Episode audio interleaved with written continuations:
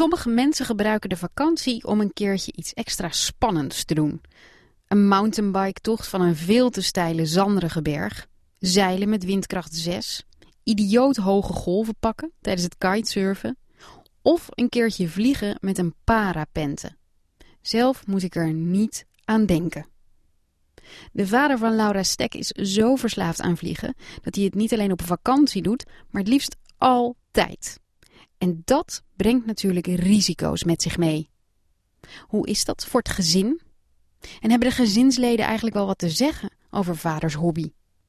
Luister naar Vliegen van Laura Stek.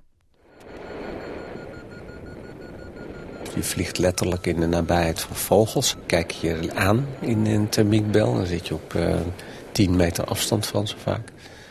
Dus dat is wel, dat is wel echt, echt uh, erg mooi gevoel. Dit is hoe mijn vader beschrijft hoe het voelt om te vliegen. Zonder motor vliegen en dan boven blijven. En merken dat je door natuurkracht gedragen kan worden. Hij heeft bijna alle luchtsporten gedaan. Zweefvliegen, motorvliegen, deltavliegen en nu is het parapanten. Zo'n langwerpig nylon scherm waarmee je vanaf een berghelling start... en uren op thermiek kan blijven vliegen. Dat je je eigen vleugels meeneemt. En dat was eigenlijk het meest aantrekkelijke. Gevoel van vrijheid. Als ik ga vliegen, dan denk ik echt niet na over andere problemen of zorgen. Dat kan ik echt parkeren en uh, losmaken daarvan. Het is een hobby, maar eigenlijk gaat het wel wat verder dan dat. Ik denk dat ik wel als fanatiek wordt uh, gezien, ja. En zeker als je het uh, paart aan mijn leeftijd. Mijn vader is 61 en heeft het afgelopen jaar nog meegedaan aan het WK Parapanten in Colombia. Waarom? Omdat het kan. Eigenlijk haat ik die sport. ja. En dat is mijn moeder, die zoals blijkt de liefde voor de luchtsport niet helemaal deelt.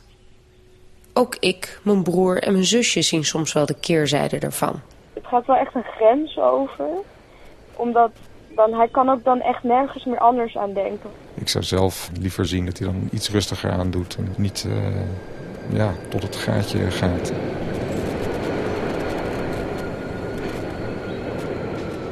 Voor mijn vader begon het vliegen met de klassieke jongensdroom. Geen brandweer of politie, maar piloot wilde hij worden. Nou was het in mijn geval eigenlijk al heel snel duidelijk dat dat nooit ging gebeuren. Want uh, toen ik een jaar of vijf, zes was, toen uh, kreeg ik een bril aangemeen. Toen ik zag voor het eerst grasprietjes. Die tevoren alleen maar als groot groen vlak zag. Dus ik had een enorme bijziendheid. Toch kiest hij de weg van de meeste weerstand. Want als het niet professioneel kan, dan kan het misschien wel recreatief. Op een gegeven ogenblik in Nijmegen, toen ik 14 was, ben ik gekeurd voor zweefvliegen. En dat mislukte eigenlijk. Ik kon was te slecht. Met min 6, min 7. Dus dat, daar, later bij de keuring in Arnhem ben ik daar tussendoor gegaan. En ben ik uiteindelijk wel uh, goedgekeurd voor zweefvliegen. Want mijn vader is een gedreven persoon. Daarnaast was het zo dat ik op middelbare schooltijd uh, eigenlijk het niet super makkelijk had. Ik voelde me nooit echt super op mijn gemak. Waarom niet? Ik denk dat het zo is dat ik me toch te weinig opgewassen voelde tegen de kinderen om me heen. Was ook letterlijk klein. Met zweefvliegen, ik kon het goed. En uh, ik voel me op mijn gemak daardoor ook. Dat, dat je er invloed op kan uitoefenen. En dat je het in de, in de hand hebt. En op school was dat veel ingewikkelder. Op school ontmoette mijn vader ook mijn moeder. Al zouden ze pas later iets krijgen. Toen ik echt met hem ging in het begin, uh, toen wist ik dus nou ja, van dat zweefvliegen. En toen had hij ook zo'n heel stoer uh, ja, bomberjack aan en met zo'n kraag. En ja, ik vond het wel, vond ik wel heel stoer dat hij dat deed. En ik ben ook één keer dus met hem mee geweest in het vliegtuig. Ja, dat weet ik nog heel erg goed. dat was een hele korte vlucht. Anne die heeft eigenlijk vanaf dat we de grond verlieten met de handen voor de ogen gezeten. En hij draaide zich steeds naar mij om om te vragen en te kijken hoe ik, hoe ik het vond. En ik zei, kijk voor Nee, jou, hou je Jan, handen aan het stuur, want het verongelukken. En ik begon dingen aan te wijzen. Kijk, zie je die koeien daar beneden? Kijk, en dan zie je daar die auto's zo beneden. En toen dacht ik, oh god, ik wil niet, ik wil niet kijken, ik wil niet zien. Dus het was eh, meteen vrij duidelijk dat de andere niet zoveel mee had met dat vliegen. En dat is ook zo gebleven. Ik ben nooit meer mee geweest, echt nooit meer. Mijn moeder hoefde dan wel niet meer de lucht in. Indirect had ze er nog wel mee te maken. Ik zie bij hem het toch als een verslaving en niet als een, eh, als een gewone hobby. Nee. Daarmee doelt ze op de trek die ik maar al te goed ken. Zijn gefocuste blik op de kaart, de constante updates over de weersomstandigheden en zijn gemoedstoestand als het niet vliegbaar is. Je ziet ook echt eh, hoe zijn eh, gelaatsuitdrukking verandert. We waren in Sicilië in de auto en hij zat alleen maar naar de lucht te kijken. Alleen, en eens door, omdat hij één dag niet mocht vliegen. Je ziet hem naar de lucht kijken en je merkt dat hij zich meteen verplaatst daarheen. En toen kregen we dus bijna een auto-ongeluk. ja.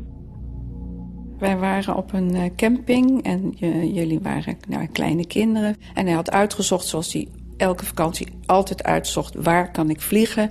En eh, ik denk van nou, hij komt s'avonds terug. Het werd een uur of vijf. En hij was dus 's ochtends al heel vroeg weggegaan. Hè? Het werd een uur of vijf, dus zou papa komen? Nou, laten we eens even op het weggetje kijken. Zeven uur, acht uur. Kinderen in bed gelegd, weer naar het weggetje gelopen, op en neer gelopen. Ik weet nog heel goed dat ik er op en neer liep. Ik dacht, hij moet, moet hem toch in de verte aanzien komen. Hij kwam niet, hij kwam niet. En om tien uur was ik zo radeloos angstig dat ik naar de eigenaar van de camping ben gegaan. En daar ben ik gaan bellen. Die mensen hebben gebeld met het vliegveld waarvan ik dacht dat hij daar gevlogen had. En toen heb ik gevraagd, vraag hun of er een ongeluk is gebeurd vandaag. Nee, geen ongeluk gebeurd vandaag. Uiteindelijk is hij om een uur of elf kwam hij aan. Ja, dan word ik nu echt nog weer helemaal... Ik, ja, hij vergeet, hij vergeet echt alles.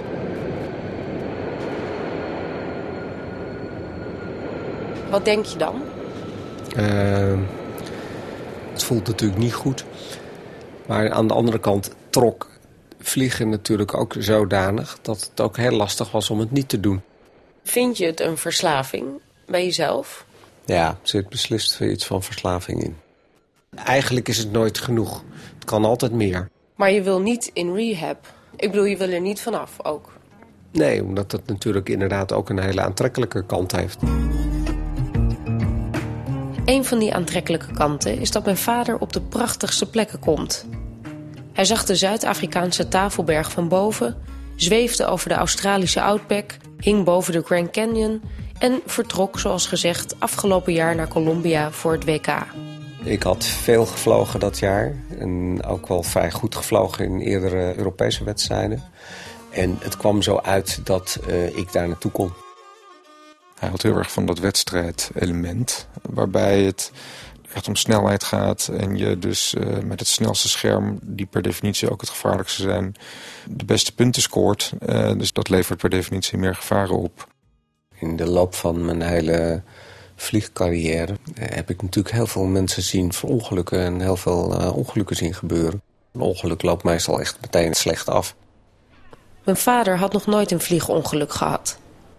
Maar in Colombia gaat het mis. Ineens kreeg ik een eh, sms van... eh, ik heb, eh, geloof ik, mijn enkel gebroken. Het voelde meteen dat het niet goed was. Toen kreeg ik vervolgens een tweede sms. Die was al wat minder eh, onschuldig. Van eh, nee, ik ben toch wel mijn onderbeen gebroken. En ik ben nu op een, eh, met een truc op weg naar een ziekenhuis. Ja, dat was hels. Eh, een paar helse dagen doorgebracht daar. Een eerste hulp op een eh brancard die een beetje in een hoekje stond. Eh, ik kreeg verschrikkelijke telefoontjes s'nachts. Omdat hij op een gang lag eh, met bebloede lakens. eh, dat niemand naar hem omkeek. Dat de mensen doodgingen. Ik zat eh, letterlijk tussen de stervende en de barende. En dat, dat hij nog geen arts had gezien. En zonder eh, goede pijnstilling, want ze zijn daar wel wat gewend. Ja, want ik weet nog dat je me belde en gewoon echt letterlijk iets zei van ik ga dood. Ja, nou in ieder geval was de pijn zodanig dat ik dacht van misschien liever dood dan dit. Omdat vlak na zijn doodskreet de telefoon uitviel... wisten we niet of het letterlijk of figuurlijk bedoeld was. We zochten naar telefoonnummers van ziekenhuizen in de regio... belden met weinig meelevende verzekeringstypes en keken naar tickets. Maar een tocht naar de binnenlanden van Colombia duurde precies 49,5 uur. Ik schrok me natuurlijk rot uh, die nacht uh, met het op en neer bellen. En dat, toen we hem niet konden bereiken, dat was uh, verschrikkelijk. En ik heb toen ook zeker wel gedacht ja, dat het misschien toch niet verstandig is... om op dit niveau en op zo'n plek te vliegen. Mijn broer praat deels vanuit zijn eigen ervaring. Ook hij heeft gevlogen. En ook hij merkte dat het mis kon gaan. Ik heb een, zelf een ongeluk gehad in, uh, in Nederland aan de duinen, eigenlijk vlak boven de grond. Wat op een bepaalde manier gevaarlijk is, omdat je zo dicht bij de grond zit dat je geen tijd hebt om te herstellen. En daarmee heb ik toen een aantal rugwervels gekneusd. Dus uiteindelijk nog uh, goed afgelopen, maar dat was wel een uh, ja, flinke schrik. Maar voor de rest van de familie speelt zijn latere ongeluk een grotere rol. Tijdens het zoeken naar een goede parapandplek in Kroatië stapte hij op een landmijn. Hij verloor zijn onderbeen. We weten allemaal de telefoontjes en de gemiste oproepen nog. En dat willen we niet meer. Dat je weer denkt, oh mijn god, daar gaan we weer. In een buitenland waar ik niet naartoe kan. Dit weer. Je had ook gewoon te pletter kunnen vliegen. En dan was je gewoon hartstikke dood. Hmm. En dat, dat kan dus, want jij zegt zelf net ook... ik heb verschillende ongelukken al gezien in die hele carrière. Het is gewoon een gevaarlijke sport. Nee, dat kan ik ook niet uh, helemaal wegnemen, want dat is zo. Dat klopt. Het is zo.